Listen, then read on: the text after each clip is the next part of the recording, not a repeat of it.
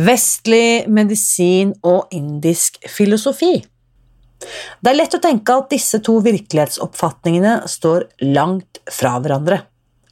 I dag forteller Karin Mæland hvordan hun forener begge deler i sitt eget liv.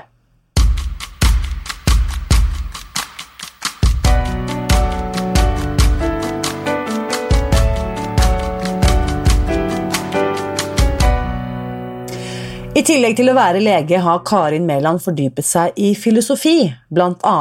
gjennom en master i filosofi fra Universitetet i Oslo, pluss tre år i India hvor hun studerte språket sanskrit, pluss indisk filosofi og yoga. I fjor startet hun også Akademi for eh, indisk eh, filosofi, hvor hun formidler denne kunnskapen på mange ulike måter. I dag vil hun fortelle litt om hvordan hun omsetter flere tusen år gammel visdom til en eh, daglig praksis i det moderne livet anno 2020. Før vi begynner, vil jeg ta med en tilbakemelding fra Irene, som har skrevet en omtale av denne podkasten i iTunes. Hun eh, skriver Spis deg fri har vært livsendrende for meg. Jeg har gått ned 27 kilo og lever nå i en normalvektig, slank kropp. Jeg setter pris på å høre boka om igjen i en nyere versjon enn den jeg leste opprinnelig. Så her vil jeg bare si tusen takk for den tilbakemeldingen, Irene. Det betyr mye for meg å vite at denne kunnskapen kan bidra til at flere får muligheten til å spise seg fri. Og gratulerer med elleville resultater. Først må jeg bare si, Karin, tusen takk for at du har tid og lyst til å være med, og velkommen til podkasten. Tusen takk, og tusen takk for at jeg får være med. Det er veldig hyggelig. Dette har jeg gledet meg til, fordi um, gjennom denne vinteren og våren så har jeg snakket med ulike fagfolk som har kunnet uttale seg om alt mulig rart uh, som er knyttet til kosthold og helse, nemlig forskere og ernæringsfysiologer, psykologer, eh, medisinere og andre. Og din bakgrunn er veldig annerledes. Fortell litt, eh, Karin, eh, for de som ikke kjenner deg. Uh, jeg er lege fra tidligere. Så det er på en måte den grunnutdanningen min. Men det som jeg holder på mest med nå, det er filosofi. Jeg ble ferdig med master i filosofi uh, i sommer. Uh, så har jeg vært lenge i India, studert indisk filosofi, sanskrit, drevet med yoga. Um, og nylig så etablerte jeg Akademi for indisk filosofi. Så det er der på en måte hovedfokuset mitt ligger nå i undervisning og på en måte formidling av indisk filosofi. Utrolig spennende, for det var jo egentlig der du nevnte jo yoga, og det var jo det var der, gjennom det, det møtestedet, at vi møtte hverandre. Eh, nemlig da eh, min yogalærer gjennom veldig mange år, eh, Jannicke Wiel, hadde boklansering for hennes bok da i januar 2020. Hun var for øvrig også Stemmer. gjest på denne podkasten for noen uker siden, så det er mulig å høre det intervjuet med henne også. Fordi på den boken hennes, som heter da 'Hva er yoga', um, der har du vært fagkonsulent. Stemmer. Uh, for, for, de som ikke vet hva en fagkonsulent gjør, hva, hva er det du har gjort da, helt sånn konkret? Helt konkret så har jeg lest teksten i redigeringsfasen så eh, teksten var altså, stort sett ferdig, eller sånn i siste eh, fase. Og da leste jeg gjennom og kom med innspill i forhold til det faglige. Og det som er spennende, det er jo at yoga inkluderer veldig mange fagområder. Både det medisinske, det filosofiske, det historiske. Eh, når man driver med asana, med yogaposisjoner, så gjør man noe som har med både kropp, trening, helse å gjøre. Mm. slik at der har du medisinen. Eh, du får endringer i det mentale, det er jo mange som opplever. Mm. Det har også med psykologi, men også med medisin å gjøre. Eh, det filosofiske, den bakgrunnen til yoga, som også er historisk, men også filosofisk. Eh, så har du språket, sanskrit, mm. Hvor veldig mye av tekstene er skrevet. Slik at det som jeg kunne komme med innspill på, det var både filosofien, litt det medisinske, litt i forhold til treningen. Og det at både Jannicke har jo praktisert selv i mange år, og det er jo en av liksom, styrkene ved boken. At en som også har praktisert Eh, skriver om teorien, mm. sånn at du får kombinasjonen av det teoretiske og det praktiske. Men der hadde vi også noe til felles, at jeg også har hatt en praksis. Slik at jeg kunne komme med innspill også der. slik at på en måte så, så var det øh, det var en eh, forespørsel som passet meg veldig godt, ja. fordi jeg følte at her kunne jeg få bruke en god del av den breddekunnskapen som jeg har eh, i flere fagområder. Ja, fordi eh, Det skal jeg også komme tilbake til, for du er jo selv også forfatter, eh, blant mange andre ting. Du formidler, ikke sant, og, og, du har også formidlet mye av din kunnskap i boksform, altså en skreven tekst. Og du er også musiker og har gitt ut uh, musikk. Uh, du deltar i den musikalske duoen Spanda. Stemmer, Den, sammen med Truls Kvam. Sammen med Truls Kvam. Um, og dere har gitt ut et album da, med samme navn uh, for noen år siden. Men det jeg er nysgjerrig på, er var det yoga som var din inngangsport inn til den indiske filosofien? Eller hvordan startet den uh, ut, uh, oppdagelsesreisen der? Det var nok yoga som var inngangsporten til filosofien. Filosofi har jeg vært interessert i lenge, og faktisk like lenge som jeg har drevet med medisin. Så jeg begynte å studere filosofi da jeg var helt ung, samtidig med at jeg studerte medisin.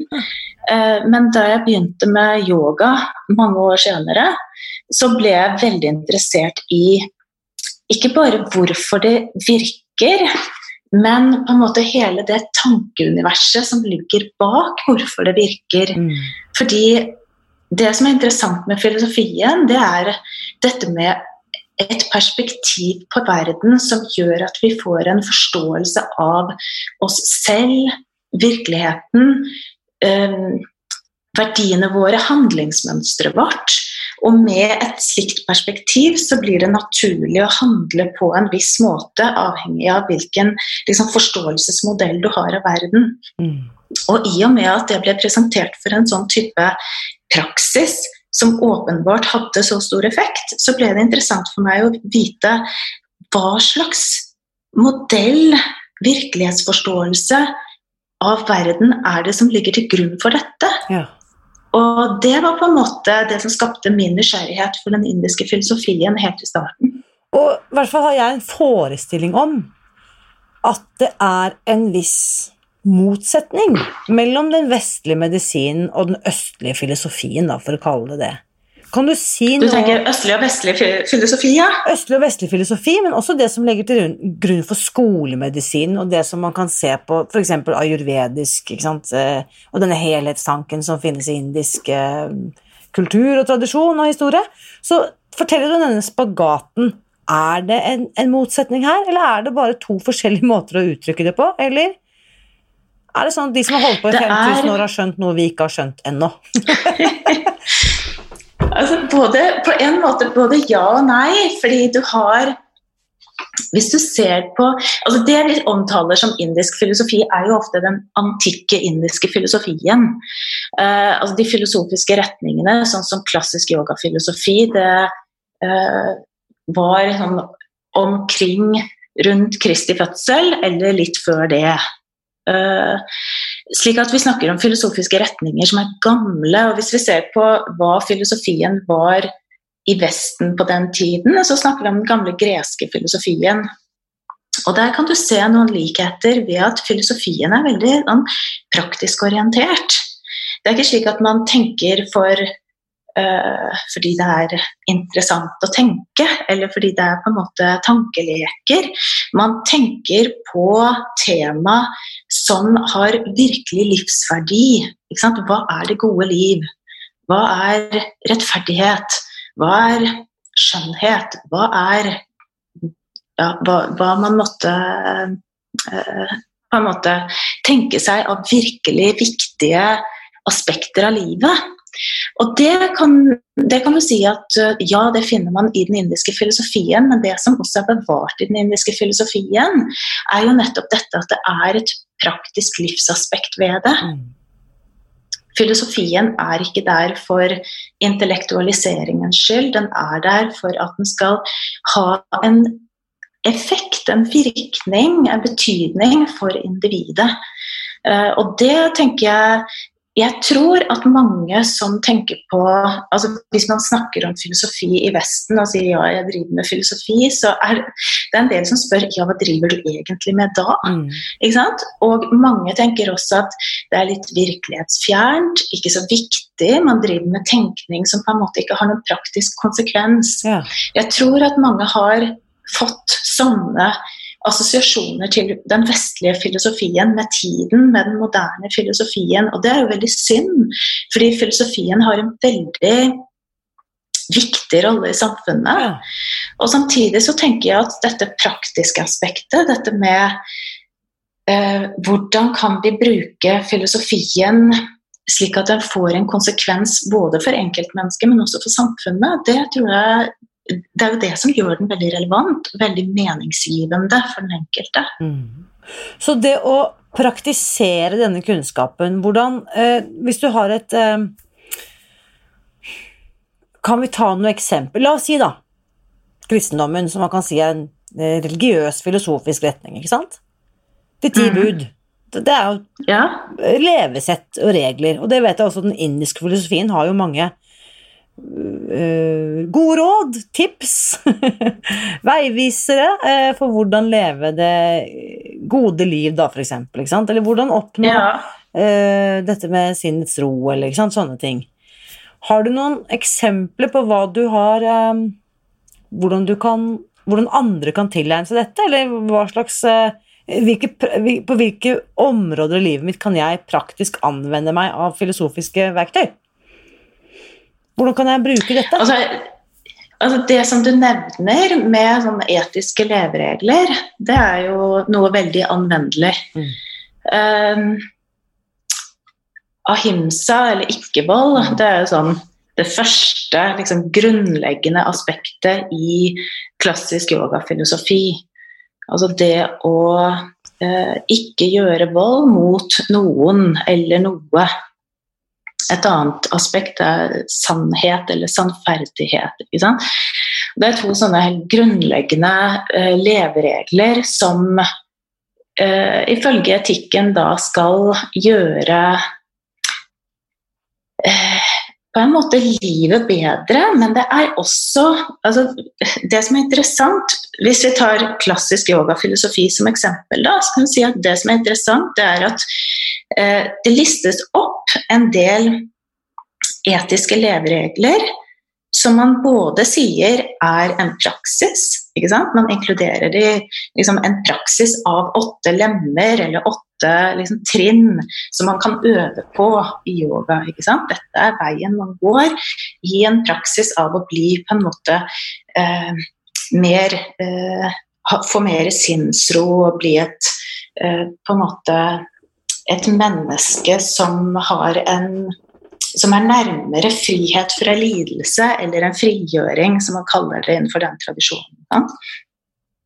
Og Samtidig så kan man si at filosofien legger opp til en forklaring hvor um, dette er liksom et absolutt ideal. Så det er noe som er på en måte ubrytelig. Ikke sant? Dette er slik man virkelig skal leve. Dette er mm, liksom absolutt. Og Det betyr at du har på en måte både noe du øver deg på, mm. noe som er et ideal, og noe som man ved øvelse eh, merker skaper en karakterendring. Fordi man snakker om å endre sinnet til å bli såkalt renere. I filosofien så kaller man det et sattvisk sinn. Ja. Altså et sinn som har mindre forstyrrelser. Mm. Så det er det vi snakker om når vi snakker om at yogaen gir deg sinnsro. Du får et mer sattvisk sinn. Og etikken, altså etisk praksis, er en måte å tilnærme seg det på. Mm. Slik at om du velger å gjøre det via eh, yogaposisjoner eller pusteøvelser eller meditasjon eller en etisk praksis. Det er både et valg i forhold til hva du ønsker å legge mer vekt på, hva som passer for deg i ulike livssituasjoner, men du kan også kombinere dem alle, fordi hvis du kombinerer alle, så vil det ha større effekt. Mm. Og i disse åtte leddene eh, som du refererte til, eh, så er jo den fysiske praksisen bare én av åtte. Det stemmer. Uh, som er lett å tenke at yoga handler bare om denne I hvert fall kan fort liksom forflates til at det bare handler om liksom hvordan komme seg opp i hunden som ser ned. Men um, dette med ahimsa, f.eks., ikke-vold, som jeg vet står sterkt i jivamukti-tradisjonen. Mm. Uh, og, selvfølgelig uh, Men der, der, er det også noen uh, praktiske tips da, til hvordan leve et, et, liv i tråd med disse tradisjonene. F.eks. Uh, hvor man da også kan anbefale å ikke spise dyr. Mm. At man går over til å bli veganer. Hvordan ser mm. det ut i livet ditt? Er det for eksempel, praktiserer du ahimsa ved å avstå fra å spise dyr, f.eks.? Det gjør jeg. Ja. Mm. Er det noe som er kommet som følge av, eller er dette bare en uh, lå, lå det allerede Gjorde du allerede dette, eller hvordan, hvordan har det utviklet seg? Det kom som en følge av at jeg begynte med yoga. Det, det gjorde jeg, mm. ja. Uh, og samtidig så tenker jeg at um, jeg er ikke en som har lyst til å fortelle andre hva de skal gjøre, eller hva som er rett og galt i forhold til et sant valg. Der tenker jeg at uh, det fins um, uh, Det fins mennesker som syns det er Altså hvor det er større skade ved å frastå fra en viss type diett på sin egen kropp enn ved å uh, ikke sant? Uh, unngå å skade omgivelsene. Sånn at hele tiden så er dette ikke sant? Ahimsa er ikke noe enkelt hvis man skal gå liksom helt i dybden av hvor mye man skader seg selv eller andre gjennom ulike typer aktiviteter. Ja. Uh, så der tenker jeg at uh, selv om det i ja, i mange retninger er liksom et absolutt prinsipp at man ikke skal skade noe, så er det også et prinsipp at man ikke skal skade seg selv. Så mm. ahimsa og liksom hva skal vi si, å ta vare på seg selv, og også eh, ikke i forhold til en sånn forlystelse, men i forhold til å bevare en optimal helse. Definitivt. Mm. Så um på dette um, Akademi for indisk filosofi. Hvem er det som kommer dit? Hva slags eh, elever får du? Eh, hva slags deltakere er det som melder seg eh, på, er interessert i dette? Hvem er, hvem er de andre? Det er, det er altså det jeg har oppfordret til, eller oppmuntret til, det er at vi skal liksom skape et miljø, type eh, Hva skal vi si eh, Samfunn, på en måte, av mennesker som er interessert i ikke bare den indiske filosofien, men en mer sånn filosofisk tilnærming til livet. Det syns jeg er interessant.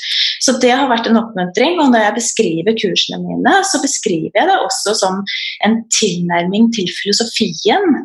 Så det er mange av dem har ganske lang erfaring med yogapraksis. Eh, og har blitt interessert i den indiske filosofien den veien. Og det er jo egentlig litt parallelt med hvordan det har vært for meg. Mm. Men jeg har også hørt noen si eh, at vi har prøvd å studere vestlig filosofi. Kom til vestlig filosofi med problemstillinger som var på en måte personlig viktig for dem.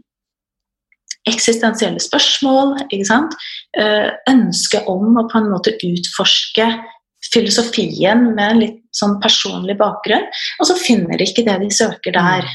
Slik at det å utforske filosofien med en tanke ikke bare om å eh, liksom diskutere den, men å applisere den som en altså Prøve den ut, reflektere rundt den.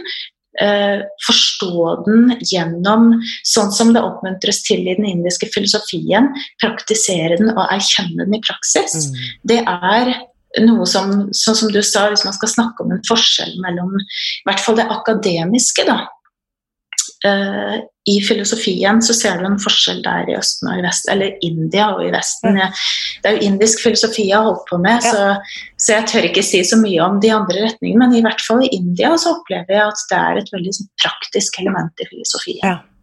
Og det mm. tenker jeg også noe av kanskje er grunnen til at den tradisjonen står så sterkt i India i dag òg, at det er en praksis det er ikke noe som er ivaretatt mellom skinninnbundne bøker som støver ned et eller annet sted, men dette er noe folk foretar seg i hverdagslivet. Eh, jeg var jo nylig på Bali, hvor det også er en hinduistisk eh, en kultur, da, hvor du ser disse offergavene til eh, Shiva og eh, eh, Nå falt det helt ut her. Lord of Destruction. Um, ja, um, Shiva, Lord of Destruction. Eh, ikke sant? Og, Vishnu, Vishnu eller Ganesh. Ja. og hele tiden denne um, Det gjøres i hverdagslivet. Vi ser det, vi er omgitt av det, vi er på en måte en del av det.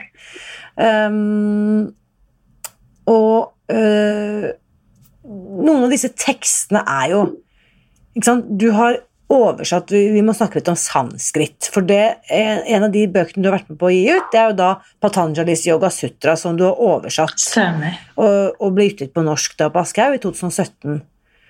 Hva slags tekst er dette? Patanjalis Yoga Sutra det er en klassiker. Det er på en måte grunntekstene for klassisk yogafilosofi. Så det er grunnteksten, eller den teksten som man bruker for å forstå eh, yogafilosofi som eh, retning i India, som filosofisk skole. Og da er det Patanjali som regnes for samler av den teksten. altså Vi pleier å kalle han for kompilator eller samler, ikke forfatter. Eh, men det er han som står for den teksten, og så er det den viktigste kommentatoren, som er Vyasa. Så kombinasjonen av de to tekstene, Vyasa sin kommentar og Patanjalis Yoga Sutra, det er de to tekstene som utgjør grunnlaget for det som er klassisk yogafilosofi. Og for å trenge inn i disse tekstene, så kreves det jo at du da behersker dette språket, sanskrit, eh, som er utdødd. Eh, Fortell litt, hvordan, hvordan, i all verdens navn Dette er sånn som man hører om sånne gærne amerikanere som lærer seg norsk for å lese Ibsen på originalspråket. ja. eh, ikke bare har du lært deg et språk, men du har da studert et språk som ikke lenger eh, praktiseres, må vel kunne sies. Fortell litt om mm. den prosessen der.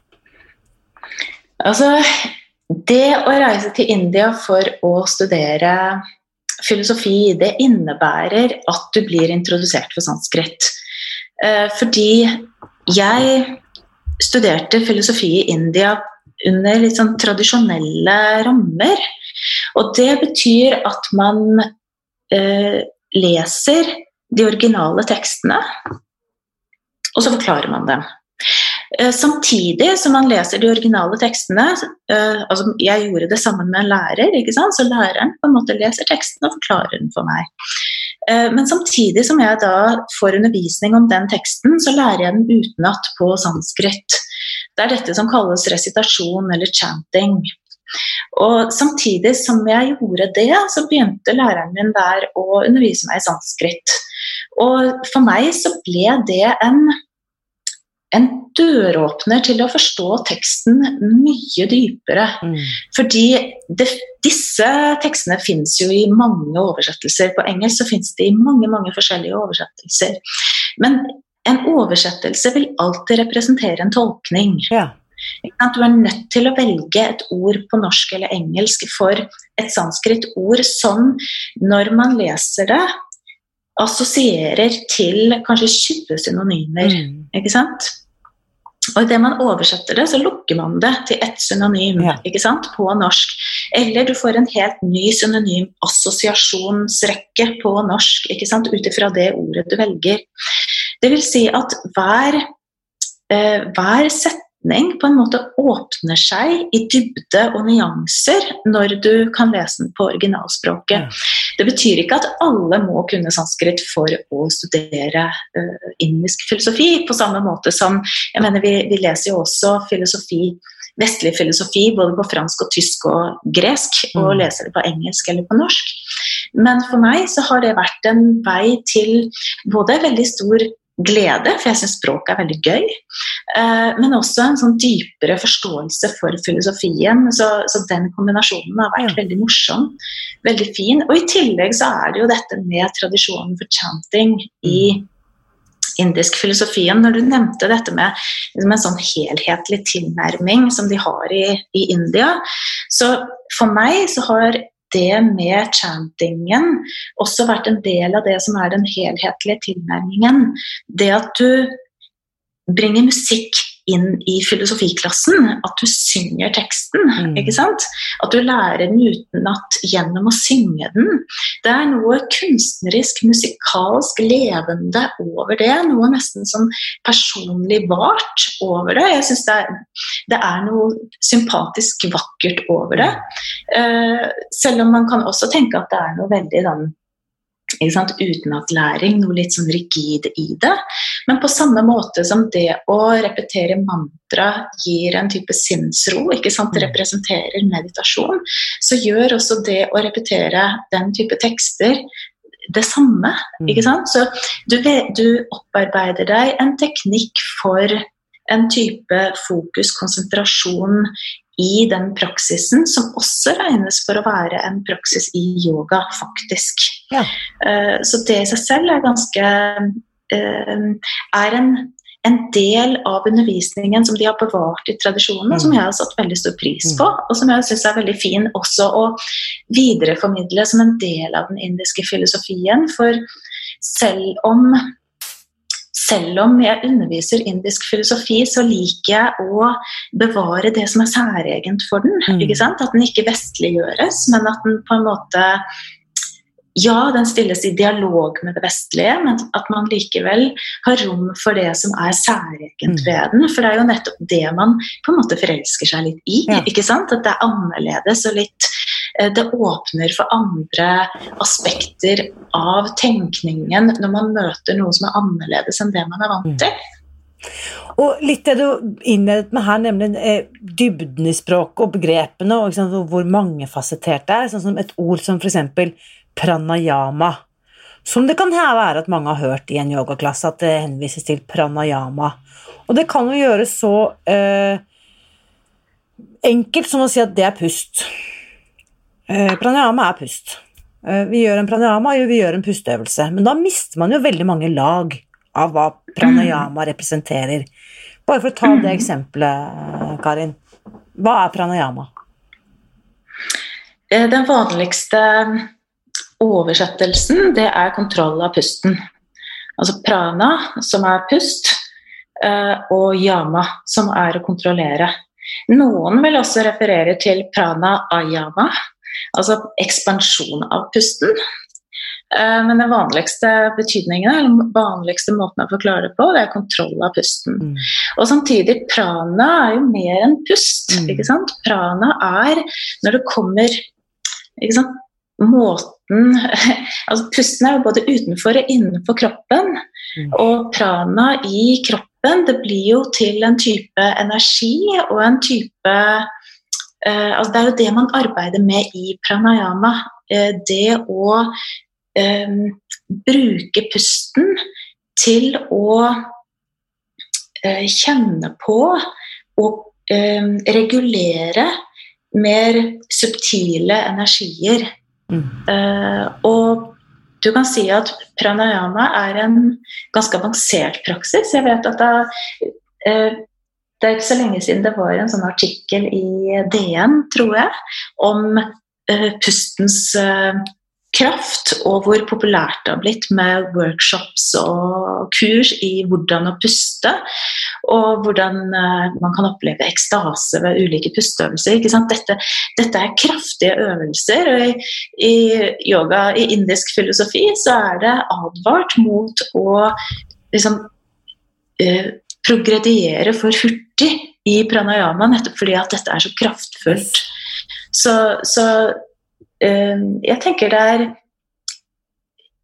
noe av det som er interessant også med, med yogafilosofien, eller med yoga og disse praktiske øvelsene, det er eh, muligheten til å gå videre i eh, typer praksis som er mer subtile.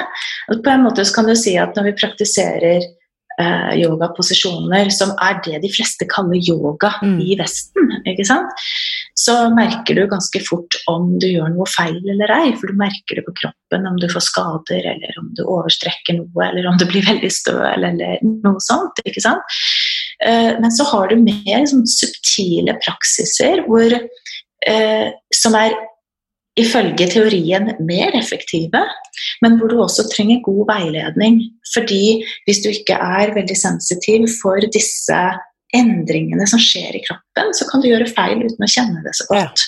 Og da kan du i stedet for å få et mer balansert og rolig sinn, så kan du oppnå det motsatte. Mm. At du får et urolig sinn.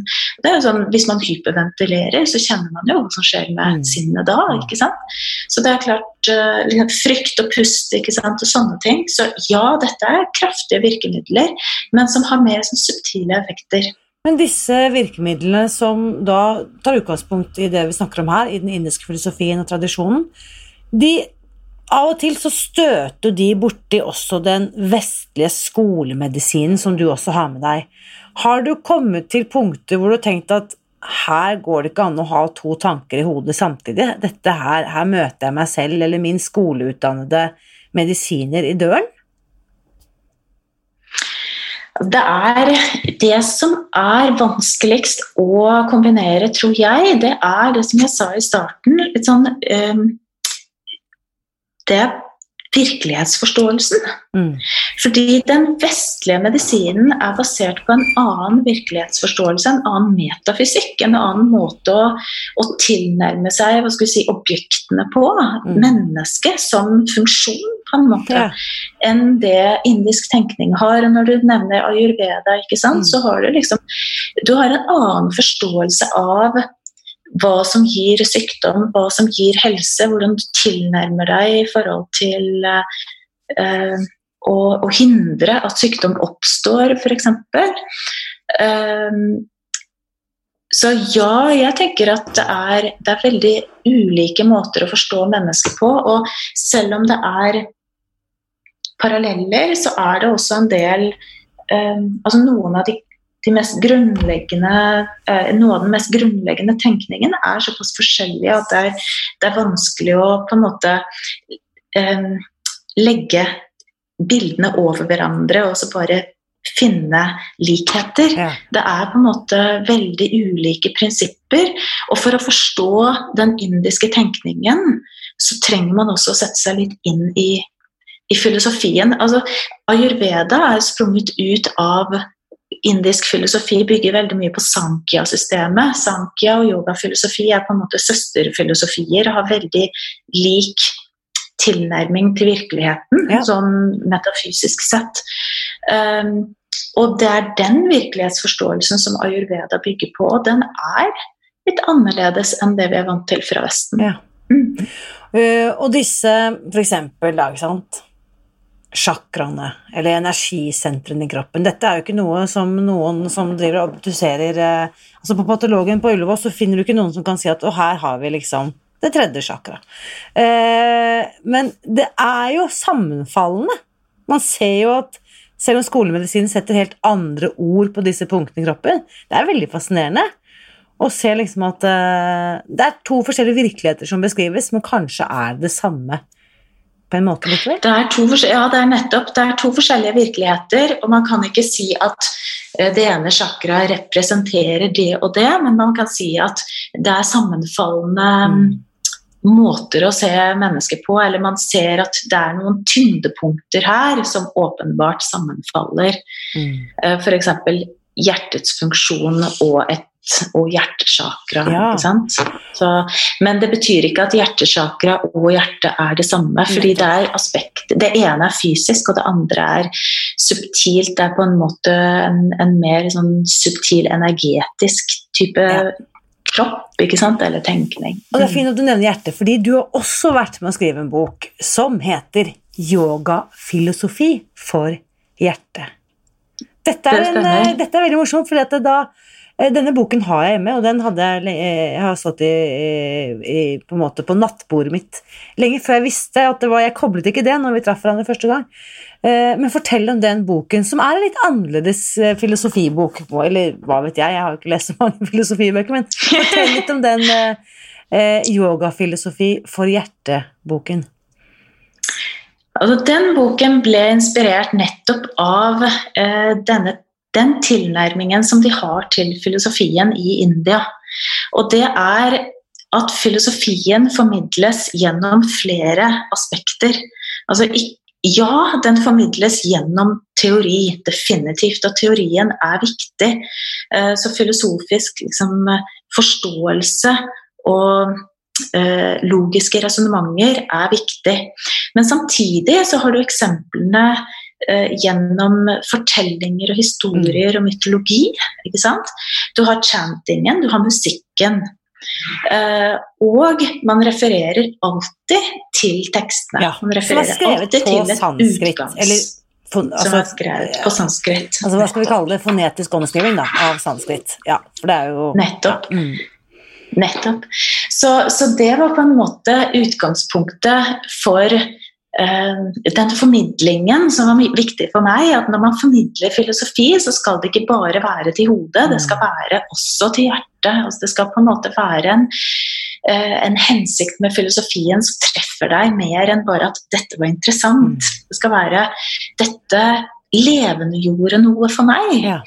Uh, Så der, det, var, det var bakgrunnen for, for boken. Og ja, jeg skrev den sammen med Bashia Lipska Larsen, så vi skapte den eh, fortellingen sammen, den prosafortellingen. Mm. Og så laget hun illustrasjonene i boken. Eh, Jeg skrev den filosofiske teksten Mm. og oversatte sanskrit. Så det ble på en måte et puslespill av eh, ulike biter som utgjorde liksom den helheten Mm. som jeg ønsket at filosofien skulle være. Og det var også da for så vidt at den Spanda-platen kom, for jeg hadde lyst til at Ja. den skulle være på en måte en del av den boken. Av den. Så den kom i forbindelse med, med lanseringen. Ja. Vel, det, det siste var jeg ikke klar over, det var interessant. Um, og jeg må bare si at det er en veldig vakker bok. Uh, og den har også det jeg opplever som mange lag. Den kan leses som en fortelling, men det kan også være en inngangsport til mer refleksjon, undring, nysgjerrighet. Eh, så den, ja, bra jobba. Det er hyggelig at du syns det. Takk. Og så lurer jeg på litt sånn Hvorfor jeg har, en, jeg har et inntrykk av at det er en voksende, en økende interesse, og det har det vært Det er ikke liksom nå i 2020, men la oss si de siste 10-20 årene at det har vært en økende interesse for indisk filosofi og mange av disse tingene vi har snakket om her.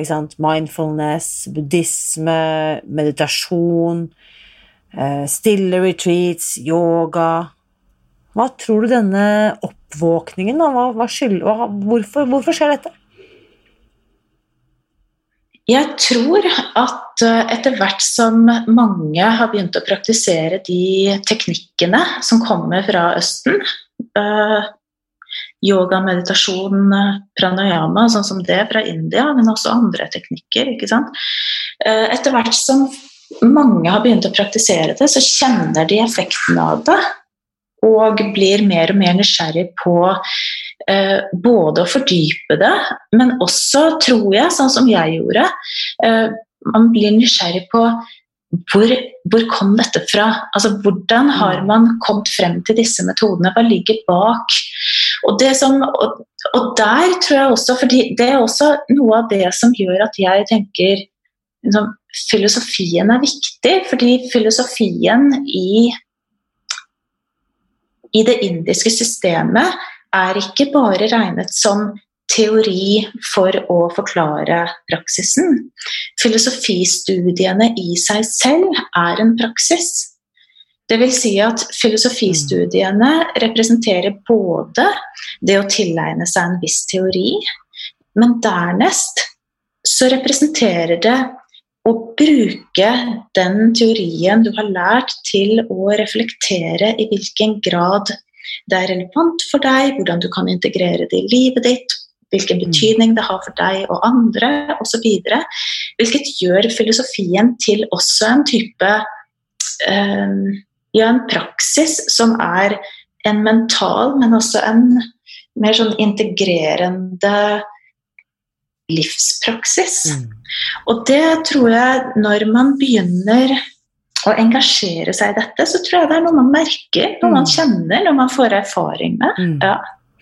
Jeg må bare skyte inn litt av det du sa i stad om at dette treffer oss på ulike nivåer, og noe kanskje mer intellektuelt, noe følelsesmessig og energetisk. Og det som jeg har opplevd når jeg har liksom blitt utsatt for, eller fått tatt del av chanting, det er jo bare det å sitte i et rom med masse lydbølger, eller sikkert noen har vært på sånn gongbad, det skjer jo noe fysiologisk ved å utsette meg selv for lyd. Og det er ting jeg tror jeg ikke vil være mulig for meg å få kontakt med uten å faktisk ta del i den praksisen. Da. Og det også bruke stemmen f.eks. på den måten. Uh, som jo er en pusteøvelse i seg selv. Ja, definitivt. Mm. Definitivt. Og det tenker jeg Altså, det er jo, det er jo noe fascinerende i en måte å Altså, hva skal jeg si? Det å ha en filosofi hvor du oppfordrer de som driver med filosofien din, til å gjøre ulike praksiser, og så sier du Ok, Hvis du gjør denne praksisen, så vil du erkjenne at dette faktisk stemmer. Du mm. vil få en egenerfaring av at virkeligheten faktisk er slik. Ikke sant? Sånn som du sier, når jeg gjør den og den og den type praksis, så opplever jeg dette. Mm. Og det gir jo en sånn vekselvirkning både av interesse for filosofien, men også en motivasjon til videre praksis. Mm. ikke sant? Fordi at når du kjenner at ting faktisk har effekt, så blir det en sånn uh, Ja, men det, da blir jeg jo mer nysgjerrig, og jeg har lyst til å gjøre mer av det. og Spesielt når det har en positiv effekt. Sant? Kanskje noen som hører på dette, er litt sånn Ja, men betyr dette at jeg nå kommer til å bli omvendt? Er dette religion? Ikke sant? Er jeg Kommer jeg umiddelbart i ikke sant? Det er jo en viss skepsis f.eks. mot yoga i enkelte kristne miljøer i Norge, fordi man frykter da at man kommer i kontakt med noe greier her og krefter som man helst ikke bør rote seg borti som en god kristen. Er det noe hvordan, hvordan, kan vi sortere disse tingene og begrepene fra hverandre? Eh, blir man eh, automatisk religiøs ladet hvis man forviller seg inn i filosofien? Jeg tror ikke man trenger å gjøre det. Eh, det med religion det er et ganske komplekst tema. Eh, men når det gjelder praksisen i yoga, så kan man godt praktisere yoga uten å tro på noe som helst. Mm. Man kan godt tilnærme seg yoga filosofisk og um, studere Hva skal vi si Studere filosofien, reflektere rundt den og utforske den. Altså, det er ingenting i yogafilosofien som ber deg om og blindt tro på noe som mm. helst, eller ber om en type trosbekjennelse. Det eneste yogafilosofien sier, det er stol nok på meg til at du praktiserer, og så kan du finne ut av det selv. Yes. For du vil erfare om det er bra for deg eller ei. Hvis det ikke er bra for deg, så er det det er egenerfaring som er på en måte den primære kilde til kunnskap om virkeligheten. Mm. Det betyr at uh, i den grad man kjenner at det er eh, bra for en, altså at, at, at, man trives med det, så er det bra. Og så kan man utforske mer rundt filosofien og liksom, metafysikken og, og, disse spørsmålene underveis. Men det er overhodet ikke noe sånt man må tro mm. på dette eller eh, sånn som det. Det er det ikke. Det er veldig åpent og veldig pragmatisk praktisk, egentlig, i yogafilosofien. Mm. Jeg tenker litt sånn som en spis deg fri. Test! Test i 14 dager, og hvis ikke det funker, så finn på noe annet. ikke sant? Ikke sant? Men, la oss da si at den som hører på dette, tenker at dette ble jeg nysgjerrig på, dette må jeg utforske mer. Hvor skal jeg starte? Det er sånn som hvis noen sier til meg eller ikke til meg, da, ingen ville ha spurt meg om det, men liksom, for å bli en god kristen, hva bør jeg gjøre? Så er det kanskje ikke nødvendigvis løsning å lese Bibelen fra perm til perm. Men hva med en som er interessert i å lære mer om indisk filosofi? What to do? What's next?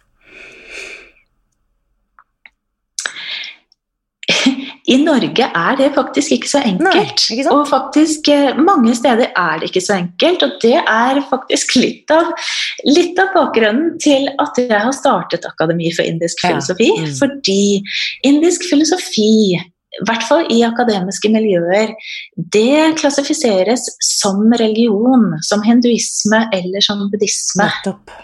Det betyr at hvis du skal studere det som filosofi, eh, så blir det likevel under et rammeverk som religionshistorie. Ja. Og det er, det er en annen tilnærming enn å forstå det som filosofi, og i hvert fall filosofi med en tilhørende praksis, Mm. hvor du ønsker å på en måte utforske refleksjonen og den praktiske effekten. Mm. Uh, Så ja, hvis, for de som er interessert i indisk filosofi, så må jo bare Ta kontakt med Karin. Du, jeg må bare si at uh, jeg, må, jeg bare kjenner jo at eh, mitt nysgjerrige hode går jo helt i ball her. Uh, fordi at jeg vet at så mye av det du snakker om, selv med min ringe kunnskap om dette, det stemmer. Altså det er noe som uh, Denne vekselvirkningen der jeg erfarer at dette har en positiv effekt på meg, som gjør at jeg blir lysten på å lære enda mer. Så det, takk for eh, fornyet inspirasjon der, eh, Karin. Tusen takk. Tusen takk til deg. Takk for spennende samtale. Vi holder kontakten. Som vanlig fortsetter samtalen etter dagens episode i den eh, åpne Facebook-gruppen vår Spis deg fri. Og her er du hjertelig velkommen til å melde deg inn, for denne gruppen er åpen for alle. Det som jeg liker spesielt godt med det Karin sier, er at det er mulig å omsette teoretisk kunnskap i praksis.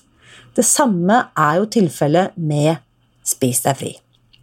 Så hvis du lurer på hvordan du kan omsette all den teoretiske kunnskapen som finnes i Spis deg fri, i konkrete handlinger, så tenker jeg det viktigste er å begynne med maten. Og hvis du er helt nybegynner eller er usikker på hvordan du skal komme i gang, så har vi også laget et gratis hefte med oppskrifter for å hjelpe deg i gang. Det finner du på nettsiden vår. Da kan du gå til spisdegfri.no smakebiter. Neste søndag er det selveste 17. mai, nasjonaldagen, og det vil selvsagt sette sitt preg på podkasten også. Så kom tilbake neste søndag og bruk litt av nasjonaldagen på å gi deg selv litt helsefremmende påfyll. Helt til slutt. Mitt motto er at gode nyheter er skapt for å deles. Så hvis du har lyst til å bidra at andre får vite om denne podkasten, så skriv gjerne en omtale i iTunes. Tusen takk for hjelpen. Og husk også at jeg heier på deg. Alltid.